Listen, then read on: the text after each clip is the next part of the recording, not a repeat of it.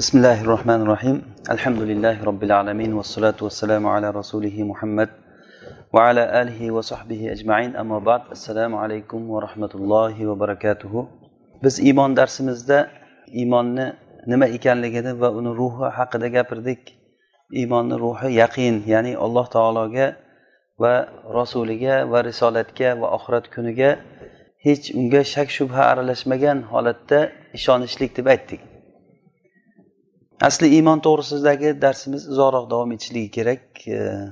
Bu bobda masalan alloh taoloni ism sifatlari haqida sharhlasak inshaalloh keyingi darslarimizda alloh taolo qodir qilsa bu narsani davom ettiramiz.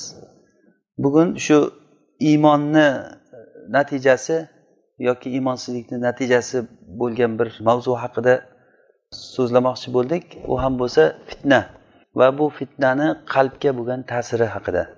حذيفة بن اليمان رضي الله عنه رواية قلاد بو حديث بخاري ده ومسلم ده يعني حديث متفق عليه بجان حديث رسول الله صلى الله عليه وسلم أتدلر يعني حذيفة كي تعرض الفتن على القلوب كالحصير عودا عودا فأيما قلب أشربها نكتت فيه نكتة سوداء وأيما قلب أنكرها نكتت فيه نكتة بيضاء حتى تصير على قلبين قلب أسود مرباد كالكوز مجخيا لا يعرف معروفا ولا ينكر, ينكر منكرا إلا ما أشرب من هواه وقلب أبيض فلا تضره فتنة ما دامت السماوات والأرض يعني بو حديث shundayki ya'ni fitnalar haqida rasululloh sollallohu alayhi vasallam aytyaptilar Umar ibn xattob roziyallohu anhu vafot etishliklari bilan o'ldirishliklari bilan fitnani eshigi sindirildi. Ya'ni fitnani eshigi ochilmadi balki fitna eshigi sindirildi. Mana shu bilan odamlarga katta bir ummatga fitnalar ochilib ketdi. Bu inshaalloh endi qiyomat kunigacha ketadigan bir fitna bo'ldi bu. Alloh taolo mana shunday bo'lishligini xohladi. Insonlar hech qachon hech qachon fitnadan sinovdan xoli bo'lmasligi haqida oyatlarda hadislarda bir qancha nususlar e, bunga sobit bo'ldi. Hadisda rasululloh sollallohu alayhi vasallam aytyaptilarki fitna qalblarga xuddiki bo'yra to'qilgan paytda gilam bo'yralarni qamishdan to'qiydi o'shanda qamishni cho'plarini bir biriga qo'shib qo'shib ketaverganda bo'yra hosil bo'laveradi. Ya'ni tagi yopilib bo'yra bo'lib ketaveradi. Xuddi shunday fitnalar qalbga bitta bitta terilib kelaveradi. Ya'ni buni tashbehi xuddiki bo'yra to'qigan paytda bitta bitta cho'plarni olib kelib qo'yilib taxlanib yasab ketilavergani kabi qalblarga keladigan fitna xuddi shunday bitta bitta kelaveradi. Hattoki ikkita qalb bo'lib qoladi. Ya'ni qaysiki bir qalb agar shu fitnani o'ziga singdirsa buni ibn qayim rahimaulloh xuddiki bir machalkaga o'xshatgan. Bir nam bo'lgan joyga machalkani qo'yib qo'ysangiz o'sha nam joydagi narsani o'ziga singdirib oladi. Agar benzin to'kilgan bo'lsa benzinni singdirib oladi. Agar salarka bo'lsa salarkani suv bo'lsa suvni nima bo'lsa o'sha narsani singdirib oladi. Qaysiki qalb o'sha fitnani o'ziga singdirib olsa unga bitta qora nuqta qo'yiladi. Va qaysiki qalb agarda u narsani qabul qilmasa bu fitnani inkor qilsa unga oq bo'lgan bir nuqta qo'yiladi. Hattoki bu odamzodni qalbi ikki xil qalbga aylanib qoladi. Alloh taoloni kavniy irodasi shuni xohladiki odamlarni natijada ikki xil bo'lishligini xohladi. Bu narsa qur'oni sunnani nususlaridan bizga ma'lum bo'ladi. Yo odamlar qalbi oq bo'lgan sof odamlarga aylanadi yoki bo'lmasa munofiq bo'lgan odamga aylanadi. Mana shunday bo'lib dunyodan o'tadi. O'shanday bo'lmaguncha odamlarga fitnalar ketma ket kelaveradi. Har xil holatda keladi fitnalar. Yoki boylik suratida yoki hatto farzandlarni ham mol dunyoni ham qur'onda mana innama amvalukum va avladukum fitna deyilgan. Sizlarni mollaring va sizlarni bolalaring va mollaring fitna deyilgan. Hattoki ikki xil qalb bo'lib qoladi dedilar rasululloh sollallohu alayhi vasallam. Bittasi hatto bittasi kalkuzi mujahiya ya'ni qop qora qalb asvad murbaddun. Murbat degani ya'ni qop qora degani. Ba'zi rivoyatlarda unda ba'zi bir oq nuqtalari bor degan. Qop qora bo'lgan qalb bo'lib qoladi va kalkuzi mujahiya ya'ni xuddiki teskari qilib og'darilgan ko'zaga o'xshaydi. Qalb o'shanaqangi ko'zaga o'xshab qoladi teskari bo'lib turgan ko'za tashqaridan kelayotgan ma'lumotni qabul qilmaydi va o'zini ichidagi narsani to'kib tushiravergan bo'ladi. Bir qalb mana shu alloh taolo asrasin bu qalbdan. Ikkinchi bir qalb bo'lsa bu oq bo'ladi amlas xuddiki rivoyatlarda kassofa deb keltirilgan xuddiki toshga o'xshagan degan.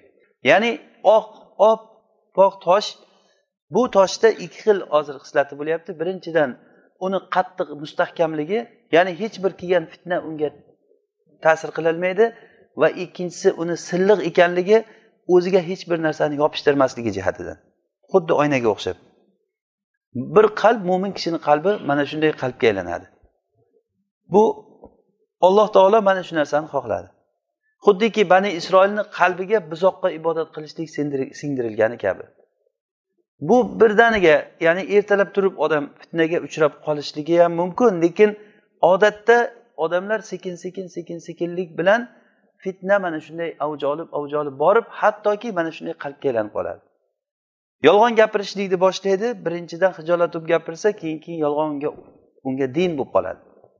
Harom yeyishlik va molni saqlashlik molga qalbi ibodat qilib qoladi. Borib borib o'sha mol uni nimasini kayfiyatini ko'taradi va kayfiyatini tushiradigan uxlaganda ham turganda ham shuni o'ylaydigan hatto namoz o'qiganda ham shuni o'ylaydigan bir holatga keladi.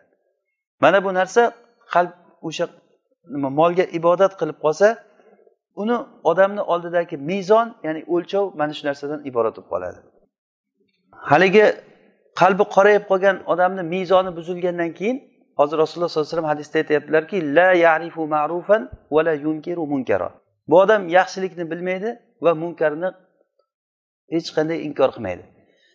Illo uni qalbida nimaki havosi bo'lsa havoi nafsi o'sha havo nafsi xohlagan narsasini qilib ketaveradi.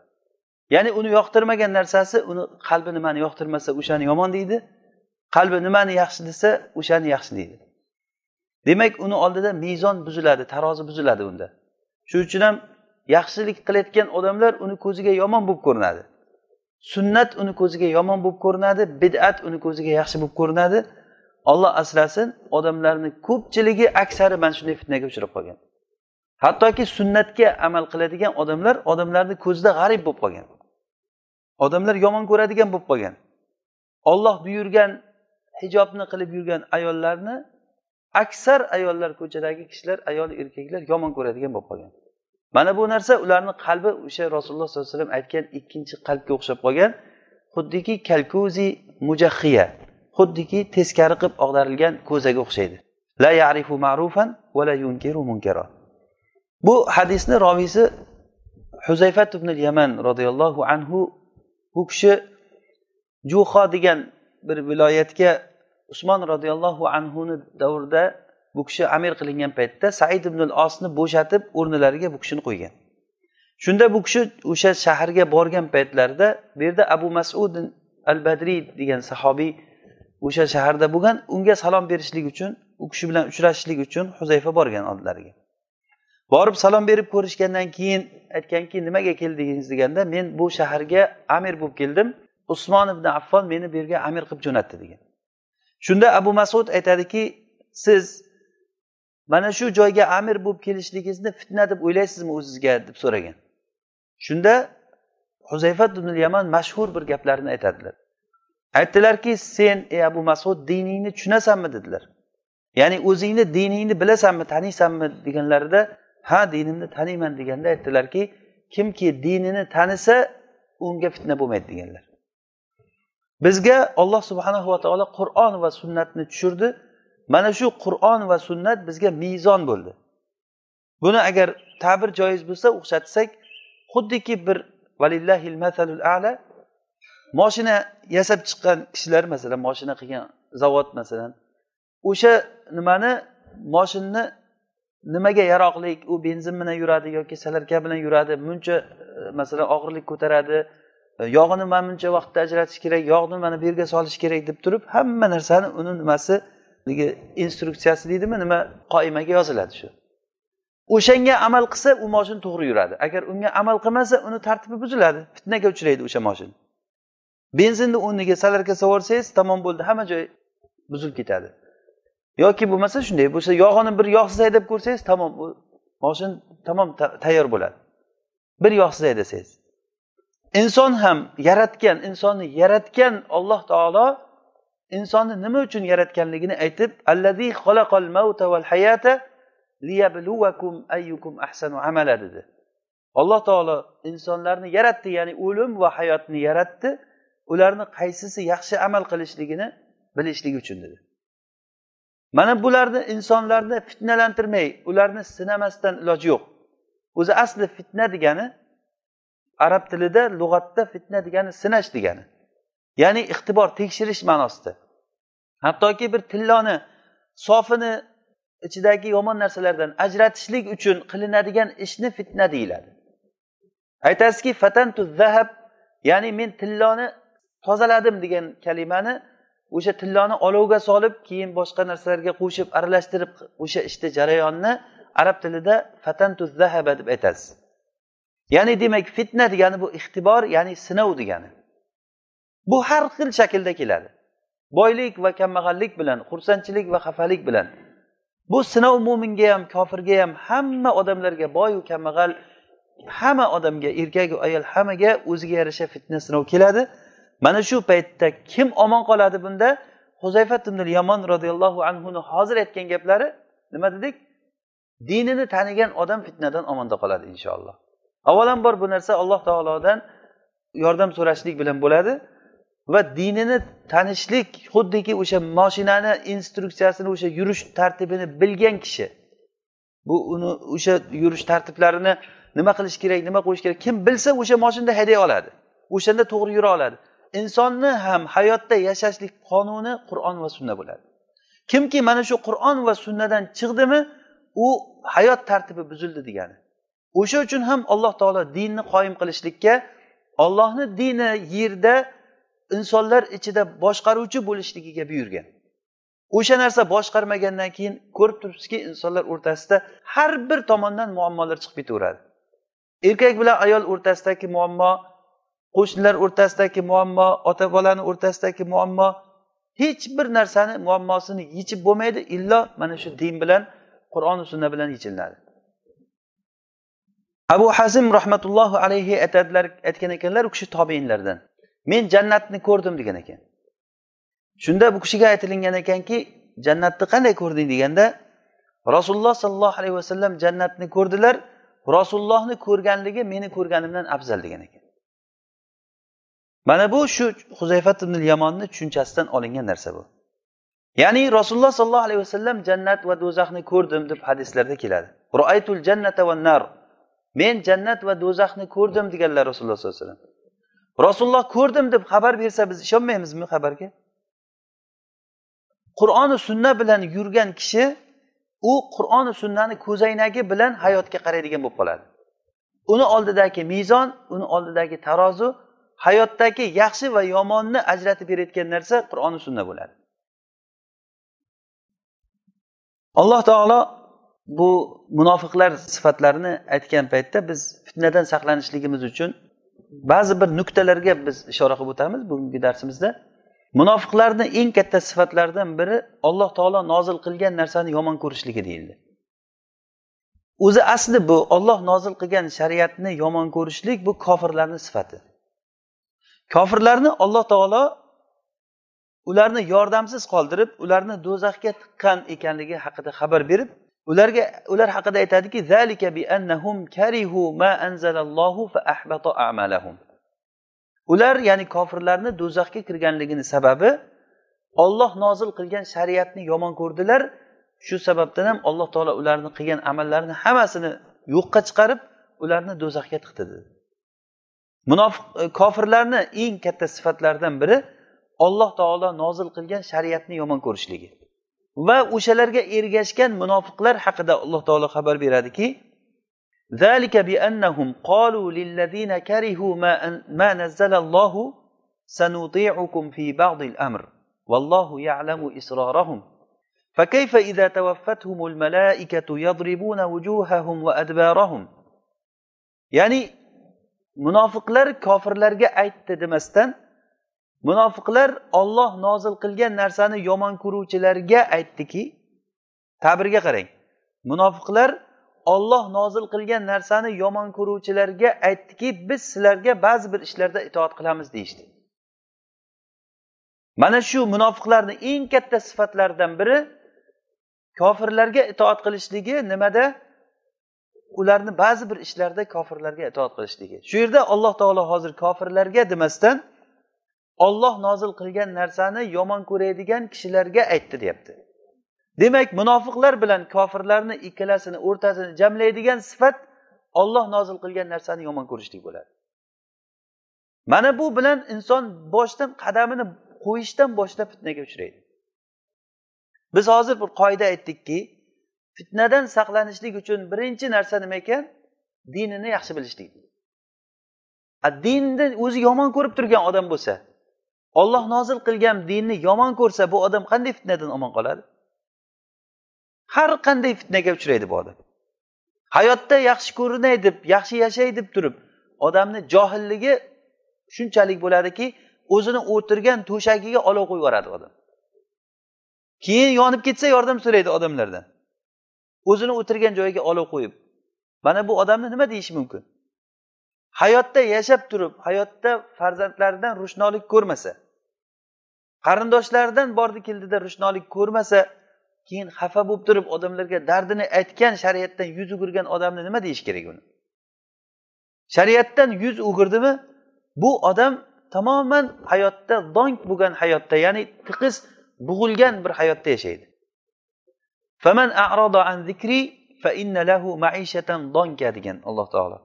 Kimki meni zikrimdan ya'ni bu din mana shu dindan yuz o'girsa unga hayotda donk ya'ni unga juda ham bug'ilgan hayotda hech bir baxt ko'rmaydi u odam degan. Bu olloh taoloni qoidasi bu narsa.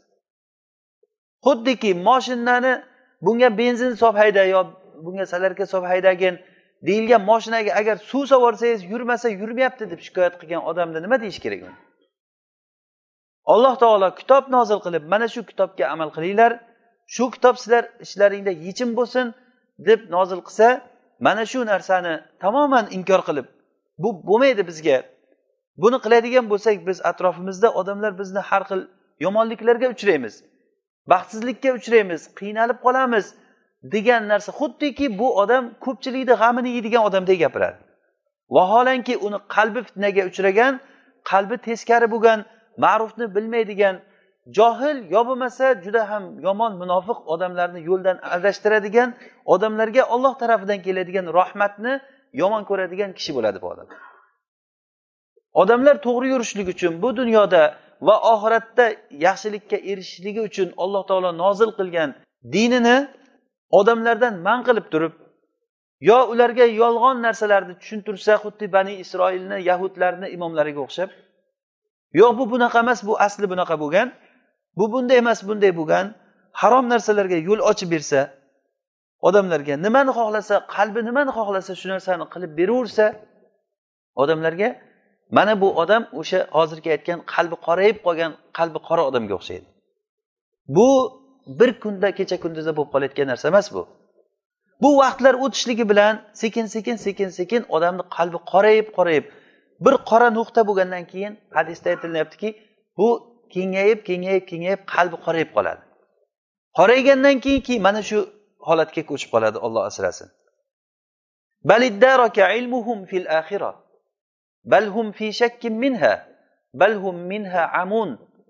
Alloh taolo aytadiki ba'zi tafsirda bunda ba'zi qavullar bor. Ilmuhum fil axira degani balki oxirat to'g'risidagi ularni ilmi tuban darajagacha borib qolgan degani. Ya'ni oxiratga ishonmaydi ular. Ishonadiyu lekin judayam dark ya'ni arab tilida dark degani masalan bir idishda suv bo'lsa shu suvni eng tagini dark deyiladi. Darkul asfal degani eng tagi jahannamni eng tagi. Innal munafiqina fid darkil asfali minan nar. Do'zaxni eng tubida bo'ladi degan. Ya'ni oxirat to'g'risidagi ularni ilmi eng oxiriga borib qolgan degani. Undan keyin balhum fi shakki minha deyapti. Undan ham yomonrog'iga o'tib unda oxirat to'g'risida shakka tushdi. Keyin bo'lsa balhum minha amun balki ular oxiratdan ko'r bo'lgan odamlar bu sekin sekinlik bilan bo'layotgan narsa bo'ladi. Alloh taolo asrasin olloh mana shunday bo'lish bo'lmaguncha insonlarni ikkiga ayirmaguncha ularga fitnalarni har xil suratda quyib keltirar ekan. Hattoki qalbi oq bo'lgan mo'minlar toifasi bo'ladi. Alloh o'shalardan qilsin hammamizni. Hattoki qalbi qora bo'lgan yaxshilikni qabul qilmaydigan balki o'zgalarni ham qabul qilishligiga qo'ymaydigan qalbi qora odamga aylanib qoladi. Olloh asrasin bundan qalbni oqmi qoraligini bilishlikni bitta yo'li shariatga amal qilishlik.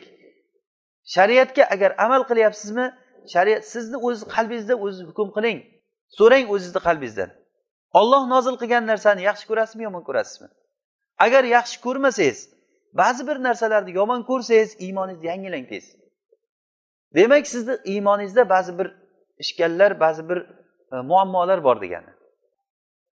Shariatdan yuz o'girishlik tufayli biz hozir aytdikki odamlarga musibatlar kelaveradi. Va ila ma anzalallohu va ilar rasul رأيت المنافقين يصدون عنك صدودا فكيف إذا أصابتهم المصيبة بما قدمت أيديهم ثم جاءوك يحلفون بالله إن أردنا إلا إحسانا وتوفيقا يعني munofiqlar munofiqlar agar ularga olloh va rasuli nozil qilgan narsaga kelinglar bu yoqqa desa siz munofiqlarni ko'rasizki shariatdan to'sganligini yasudduna anka sududa Bo'lmaydi bu hozirga to'g'ri kelmaydi bu deb shariatni oldiga shunday chiqib bu ollohni hukmi bilan hukm qilishlikdan tamomiy yuz o'girayotganligini ko'rasiz. Endi oyatni davomiga e'tibor bering. Musiba? Fa bu arab tilida talil kalimasi deyiladi. Ya'ni fodan keyingi gap fodan oldingi narsa sababli chiqqan ekanligi degani.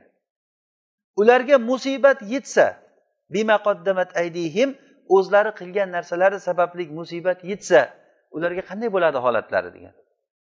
Demak ularga musibatni yetishligi ollohni shariatidan to'sqinlik qilishlik uchun bo'ladi. Shariatga to'sqinlik qilishligi bilan odamlarga fitnalar musibatlar ketma ket kelaveradi. Ba'zi bir qavmlarni alloh taolo tamoman yerga yutqizib yubordi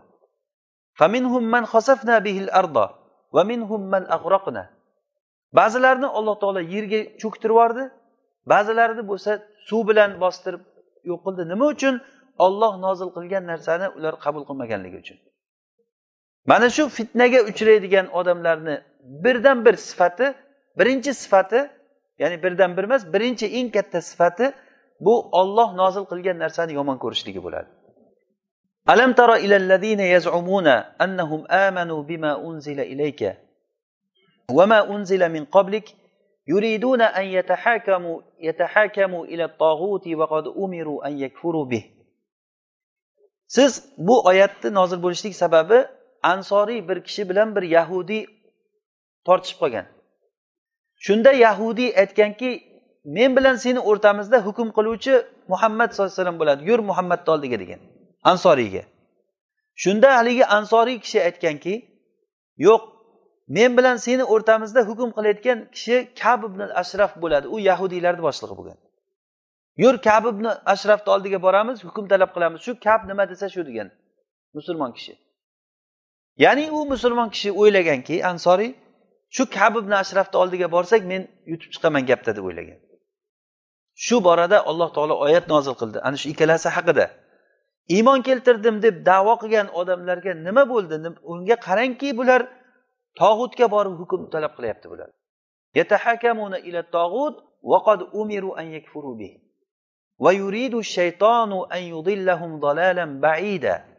Shayton odamlarni uzoq adashishlikda adashtirib ketmoqchi bo'lyapti. Ya'ni shariatdan yuz o'girib ollohni hukmini tashlab boshqa hukmga o'tgan odamni shayton uzoq uzoqlarga adashtirib ketdi deyapti qur'onda. Mana bu juda ham dolalan baida degan uzoq adashishlik bu narsa. Hattoki shu darajagacha adashtirdiki shayton ularga qilayotgan amallarini chiroyli ko'rsatib qo'ydi. Ko'chada ko'rasiz kishilarni kuchuk yetalab yurganligini. Kuchugini moshinga mindirib turib moshinda kuchuk olib yurgan musulmon kishilarni ko'rasiz. Bir qancha o'zini madaniyatliman degan odamlar. O'zi musulmon odam. Ismini so'rasangiz muhammad ahmad ismi. Lekin uyida kuchuk boqadi. O'zi domda yashaydi uyida kuchuk boqadi. Katta katta kuchuklar. Mana shu narsa ularga chiroyli ko'rsatilingan juda ham o'sha yotadigan to'shakda yotadigan kiyimlari bilan ayollar ko'chaga chiqib yurishligi shu narsa shayton ularga ziynatli qilib ko'rsatib qo'ydi. Va yuridu shaytonu an yudillahum dalalan baida. Shayton bo'lsa ularni juda ham uzoq uzoqlarga adashtirib ketishlikni xohlaydi. Bizga eng muhim bo'lgan narsa yana bir bilishligimiz bo'lgan qoida shuki o'zimiz olloh nozil qilgan narsaga iymon keltirishligimiz va odamlarni mana shu narsaga da'vat qilishligimiz natija bilan ishimiz bo'lmasligi bo'ladi.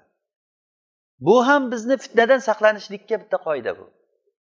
Bu qoidani qur'oni sunnani o'qib bu narsalardan olingan bir qisqagina qilingan bir qoida bu. Ya'ni biz amal qilamiz iymon keltiramiz va shu iymonga da'vat qilamiz odamlarni natija bilan ishingiz bo'lmaydi. Agar natija bilan ishimiz bo'lganda edi rasululloh sollallohu alayhi vasallam islomni yutuqlarini ko'rmaguncha dunyodan o'tmagan bo'lishi keraklar. Rasululloh sollallohu alayhi vasallam dunyodan o'tganlaridan keyin fors va rumlarni mulki musulmonlarni qo'liga kelib tushdi. Vaholanki rasululloh buni bashorat bergandilar agar natija bo'lganda edi ish. Shuning uchun buni nima uchun aytyapmiz biz? Ko'pchilik kishilarni fitnasiga sabab bo'layotgan narsa natijani chiqmasligi. Natija bo'lmagandan keyin shuncha qildik qildik bo'lmadi. Demak biz noto'g'ri yo'lda ekanmiz degan narsa insonni qalbiga kelib qoladi. Bu fitnani ketkazishlik uchun bizga ilm foyda beradi. Bu ilm shuki biz natija bilan ishimiz bo'lmaydi natijani olloh beradi. Nasru illa min indillah. Ya'ni nusrat bu olloh taoloni huzuridan bo'ladi. Sizga buyurilingan narsa siz harakat qilishligingiz. O'sha ishingiz foyda beradimi foyda bermaydimi? Siz o'qitgan kishilar olim bo'lib chiqadimi olim bo'lib chiqmaydimi? Siz qurilgan masjidda namoz o'qiladimi o'qilmaydimi? Musulmonlar uchun siz bir foydali ishni qilib bersangiz agar olloh barakasini bersa bu samarali bo'lib ketaveradi. Lekin muhim siz qilgan ishingizga natija olaverasiz. Alloh taolo qur'onda aytadiki yuhajir fi sabilillahi summa yudrikhul mautu faqad waqa'a ajruhu alalloh ya'ni kimki olloh yo'lida hijrat qilsa keyin o'sha hijrat yo'lida u odam vafot etsa uni ajri ollohni zimmasiga tushdi degan.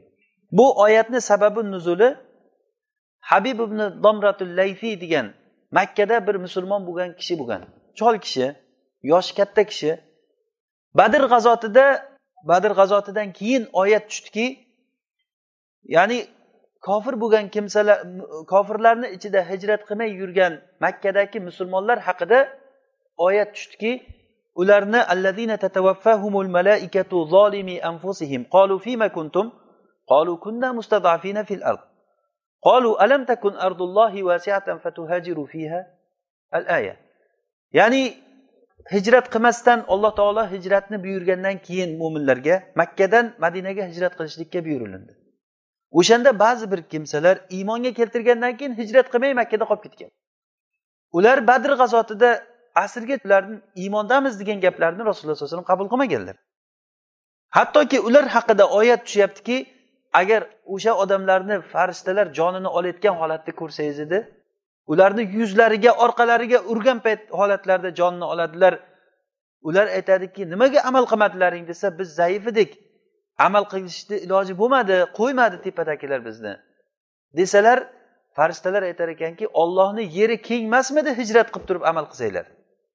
Nima bir joyda turib turib sizlar o'sha joyda ollohga toat qilishni iloji bo'lsa qilib agar qilishga qo'ymasa toat qilmasdan o'sha yerda yashashlik uchun sizlar yaratildilaringmi?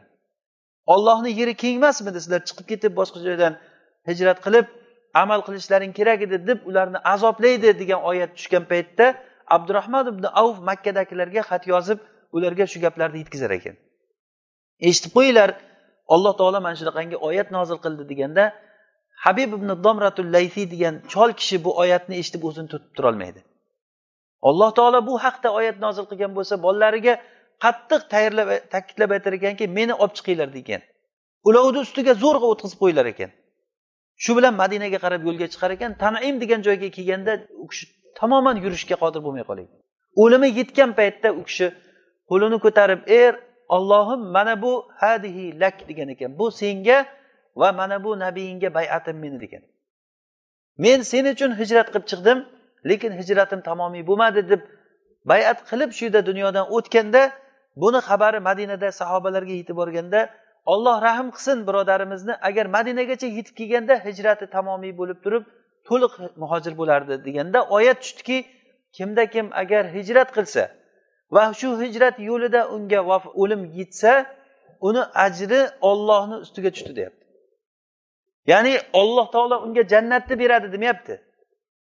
Shunchalik uni ajri kattaligidan faqat vaqoa ajruhu alalloh deyapti. Bu ollohni zimmasida uni ajrini berishlik. Vaholanki uni qilgan ishi tamomiy bo'lgani yo'q. Bu ishni boshladi hijrat qilishlikni boshladi. Tanaim degan joyga borganda dunyodan tanaim makkadan uncha uzoq joy emas bu. Hatto makkadan chiqiboq endi yo'lni boshlagandan o'zi o'limi yetib shu bayatni qildida o'sha joyda jon berdi. Mana shu odam haqida shu oyat nozil bo'ldi. Demak biz bir narsani bilishligimiz kerak fitnaga uchramasligimiz uchun. Qiladigan ishingiz natija bo'lish bo'lmasligi sizni qiziqtirmasin. To'g'ri natijani bersa xursand bo'lamiz alloh taolo. Lekin natija biz uchun mezon emas. U tarozi emas. Agar natija bo'lsa siz to'g'ri yo'ldasiz natija bo'lmasa noto'g'ri yo'ldasiz. Mana sizlar nohaqliklaring uchun hammalaring xor bo'lib yuribsizlar hozir. Qani sizlarni robbilaring haq bo'lganda edi yordam bersin sizlarga desa bizga. Iymon keltirmaganlar. Shunda bizni qalbimiz fitnaga uchrab to'g'ri ya buni gapi to'g'ri aytyapti. Demak biz dinimiz noto'g'ri ekanmi shunchalik degan gap keladimi xayol bizni xayolimizga? Agar kelsa bu odam iymonni yangilash kerak bo'ladi. Bu natija bizni qiziqtirmaydi. Zulbijadaynni voqeasini biz baraka darsimizda aytib bergandik. Agarda bu nimani voqeani sanadida doiflik bo'lsa ham zulbijadayn makkada islomga kelgan. Abdulloh zulbijadayn. Makkada islomga kelgandan keyin rasululloh sollallohu alayhi vasallamni oldiga hijrat qilgisi kelgan ketaman deganda buni amakisi qo'ymagan ketishlikka. Chunki bu yetimlikdan katta bo'lgan amakisini qo'lida qolgan. Amakisi unga juda ko'p yaxshiliklar qilgan. Hatto boyigan bu boyilgan. Keyin rasulullohni oldiga ketaman deganda amakisi aytganki sen men sababli boyiding men sababli shu narsaga erishding. Endi shu bo'lgandan keyin ketaman desam agar ketadigan bo'lsang hamma narsani tashlab ket degan. Tashlab ketaman degan butun moli dunyosini olib qo'ygan. Hatto ustidagi kiyimini ham yechib olgan ekan. Yalang'och holatda uyiga kirib borgan. Uyiga borganda onasi ko'rgan paytda unga bir bir parcha lattani tashlagan o'sha bijada degan lattani shuni olib ikkiga bo'lib bittasini tepasidan bittasini pastidan baylab olgan ekan. Mana shu holatda ikkita lattaga o'rangan holatda madinaga yo'lga chiqqan. Rasulullohga borib bayat qilib rasululloh bilan uchrashganda rasululloh sollallohu alayhi vasallam tabuk g'azotiga ketayotgan bo'lganlar shunda yo'lga chiqqan bu kishi. To'g'ri birdan madinaga borib e, jihodga chiqib ketgan. Yo'lga borganda kechqurun bir joyda to'xtab kechqurun dam olish paytida ibn masud roziyallohu anhu aytadilar men kechqurun bir olov yonganligini ko'rdim. Shu olov tarafga qarab bordim. Borsam qabr qozilgan qabrni ichida rasululloh sollallohu alayhi vasallam o'tiribdilar ekan. Qabrni tashqarisida abu bakr va umar turibdi ekan. Qarasam o'sha kishi abdulloh zulbijadayn vafot etgan ekan. Rasululloh qabrdan turib birodarlaringni olib beringlar dedilar. Abu bakr bilan umar ko'tarib olib berdi. Rasululloh sallallohu alayhi vasallam qabrga qo'ydilar. Qabrga qo'yib turib rasululloh duo qilgan ekanlar. Ey robbim mana shu bandangga men guvohman bu sen uchun hijrat qilib chiqdi sen uchun shahid bo'lib o'ldi shu yerda degan ekan. Hattoki rasulullohni duolaridan ibn masud bu kim? Ibn masud ummatdagi eng sahobiylarni kattasi bo'lgan ibn masud men o'sha mayyitni o'rnida bo'lishlikni havas qildim degan ekan. Bu kishi ko'p amal qilgani yo'q. Demak muhim bizga natija emas bu. Bizga qoida shuki muhimi siz ollohga musulmon bo'lgan holatda o'lishligingiz vala tamutunna illa va antum muslimun. Mana shu narsani biz qalbimizga yaxshilab o'rnatishib olish kerak. Kim agar musulmon bo'lgan holatda alloh taolo sizdan rozi bo'lgan holatda o'lsa ana shu odam yutdi degani bu odam olloh rozi bo'lgan holatda hatto rasululloh sollallohu alayhi vasallam o'sha duolarda aytgan ekanlarki ey ollohim men bundan rozi bo'ldim sen rozi bo'lgin deb duo qilgan ekanlar. Men bu bandadan roziman sen rozi bo'lgin dedilar o'sha kishida. Mana shu holatiga bu kishi havas qilib yuborgan. Mushab ibn umayr mushab ibn umayr makkada paytida makkada paytda bu kishi juda ham boy onasi juda boy nima bo'lgan kiyimni eng yaxshilarini kiygan ovqatni eng yaxshisini yegan kishi bo'lgan. Bu kishi shahid bo'lib o'ladilar musab ibn umayr.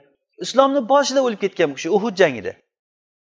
Undan keyin musulmonlarga qancha fatuhatlar bo'ldi qancha musulmonlarni shavkati ko'paydi baytul mol pulga tangaga to'ldi tilla kumushga to'ldi.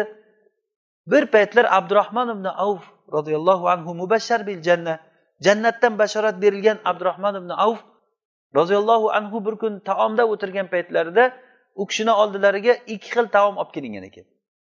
Ikki xil taom olib kelingan paytda shu taomni ko'rib yig'lagan ekanlarda aytgan ekanlarki olloh rahm qilsin mushabni o'lgan paytda unga kafanlashlikka bizni latta topolmadik degan ekan.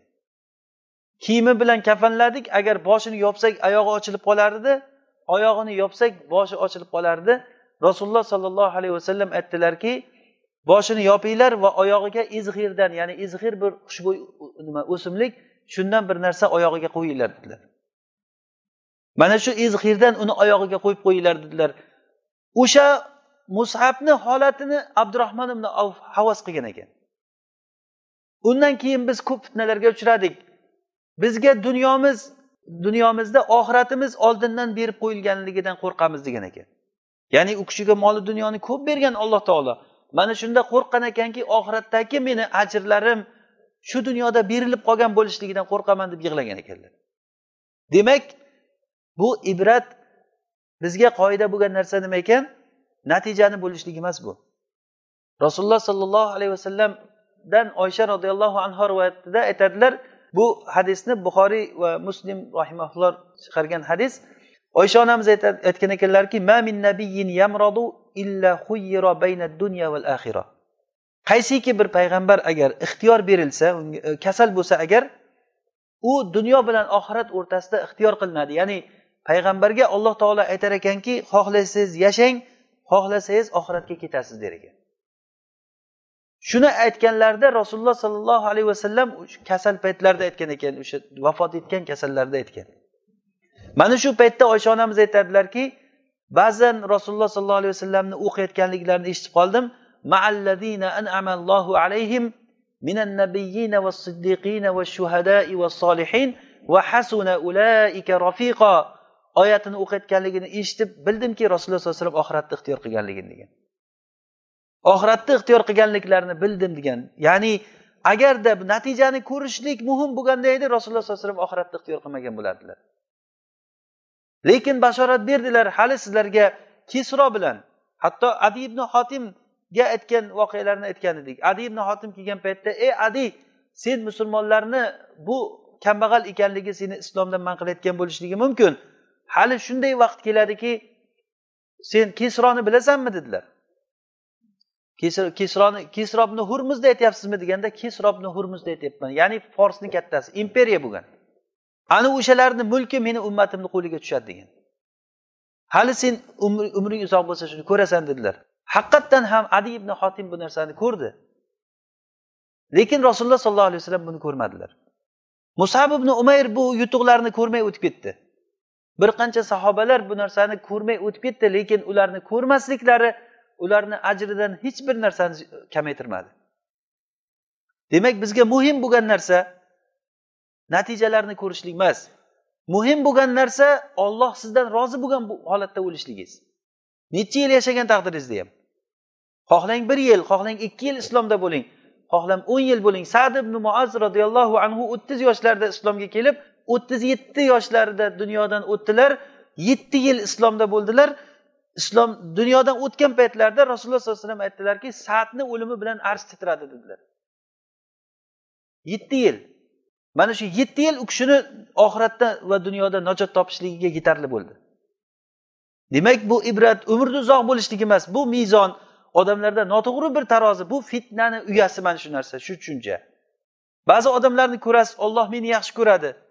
Mana u juvormoy bu paloncha o'lib ketdi paloncha palonday bo'lib o'lib ketdi. Men haligacha mana yuribman hech qanday menga bir qiyinchilikka uchraganim yo'q. Bola chaqam ko'p qizlarimni chiqarganman o'g'illarimni uylaganman.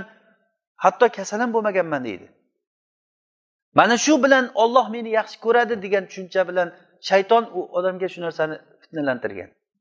Mana bu fitna qalbni qorayganligidan bo'ladi va bu qalbni qorayishligi johilligi sababli bo'ladi odamni. Mana shu uchun ham biz ilm o'rganishlikka buyurildik. Ilm o'rganmasak biz nima haq nima nohaq ekanligini bilmaymiz. Biz mezon nima ekanligini bilmaymiz tarozini bilmaymiz biz. Bizni oldimizdagi o'lchov olloh bizdan rozi bo'lgan holatda o'lishligimiz bo'ladi.